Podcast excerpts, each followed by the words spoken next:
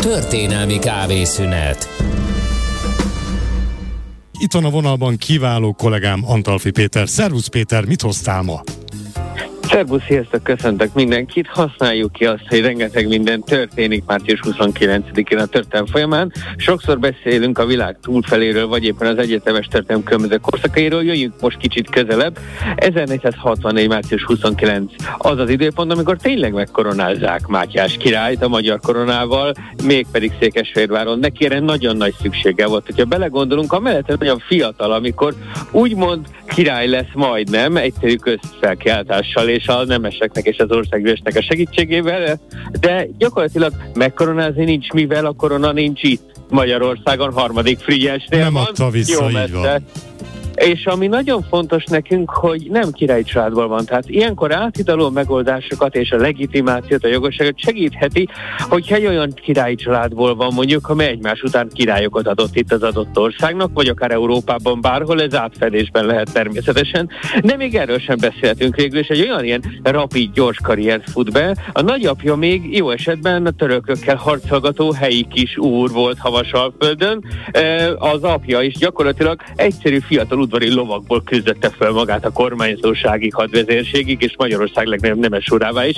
Gyakorlatilag önerőből vált, tehát mert az apja is egy self man. Az, hogy Mátyásnak már mondjuk humanista műveltsége volt, és már fiatalon öt nyelven beszélt legalább, és tudjuk, hogy olvasta a fő ókori hadvezéreknek és politikusnak az életét, tehát tudta ő már, hogy ki ez a Hannibal Cézár. Ez nem alapvető, ez az akkori mondjuk úgy ö, törő érettséganyagban nem volt benne, ez már egy különlegesség, tehát őt készítik valamire, de még talán az apja sem gondolt volna, hogy János, hogy itt valami uralkodói szerep kinézhet a fiának. Tehát teljesen váratlan ez a helyzet ilyen szempontból, és nagyon fontos, hogy nem talál ezért magának sokáig második feleséget, miután az első meghal a szülésben, mert nincs egy rangban, nem egy ívású, bármilyen egyéb királyi családdal. Neki nagyon kell az a korona, nem véletlen, hogy tetemes összeget e, hajlandó érte fizetni. Ezt később is így írják le, még Zrínyi Miklós is ír Mátyásról egyébként 17. században, és ő is azt mondja, hogy igazából hogy nagyon jól kellett lakatni ahhoz harmadik fényest, hogy visszaadja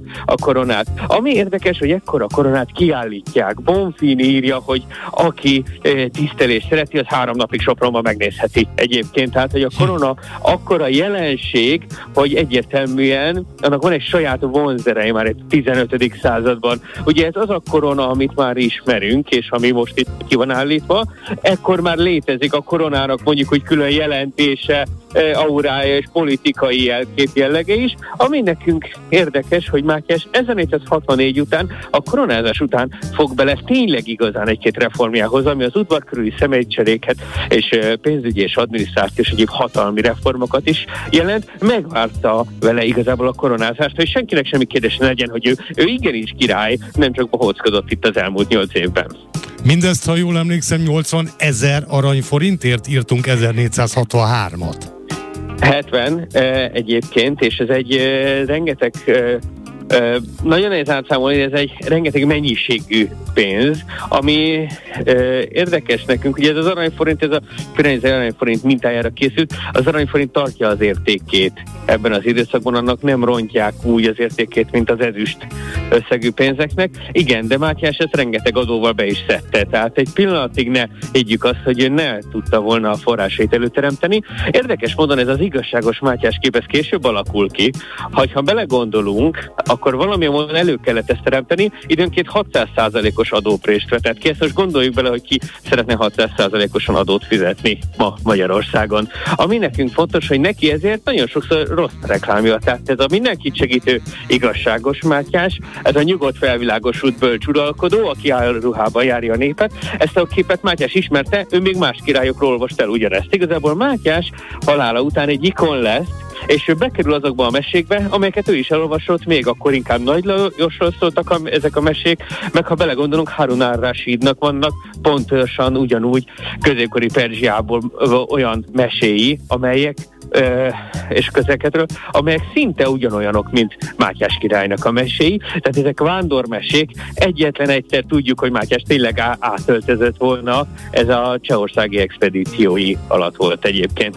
Ami érdekes, hogy ha március 29, akkor van még egy-két alak, aki ugyanígy mondjuk úgy személyén túl ikonná válik, vagy kulturális elemmé, mémé válik.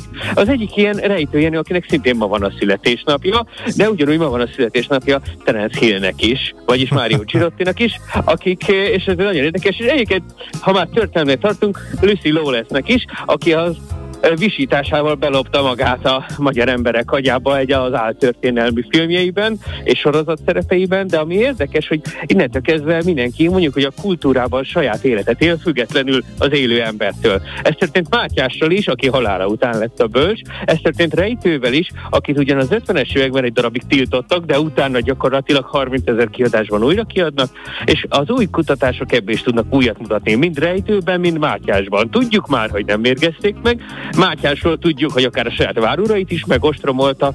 Nagyon érdekes, amit kitelítenek rejtőről, mert rejtő kéziratok és kerülnek elő, rejtőkutatás is létezik ugyanúgy, mint Mátyás kutatás. De ha már több híres embert említettél, akik ezen a napon születtek, ne feledjük Kosztolányi Dezsőt, aki ma 137 éve született, és tudom, hogy róla is tudná holnap estig mesélni, viszont ennyi fért a mai történelmi kávészünetbe. Kiváló kollégámnak, Antalfi Péternek köszönöm, jövő héten várlak újra. Szervusz, sziasztok, köszönöm szépen!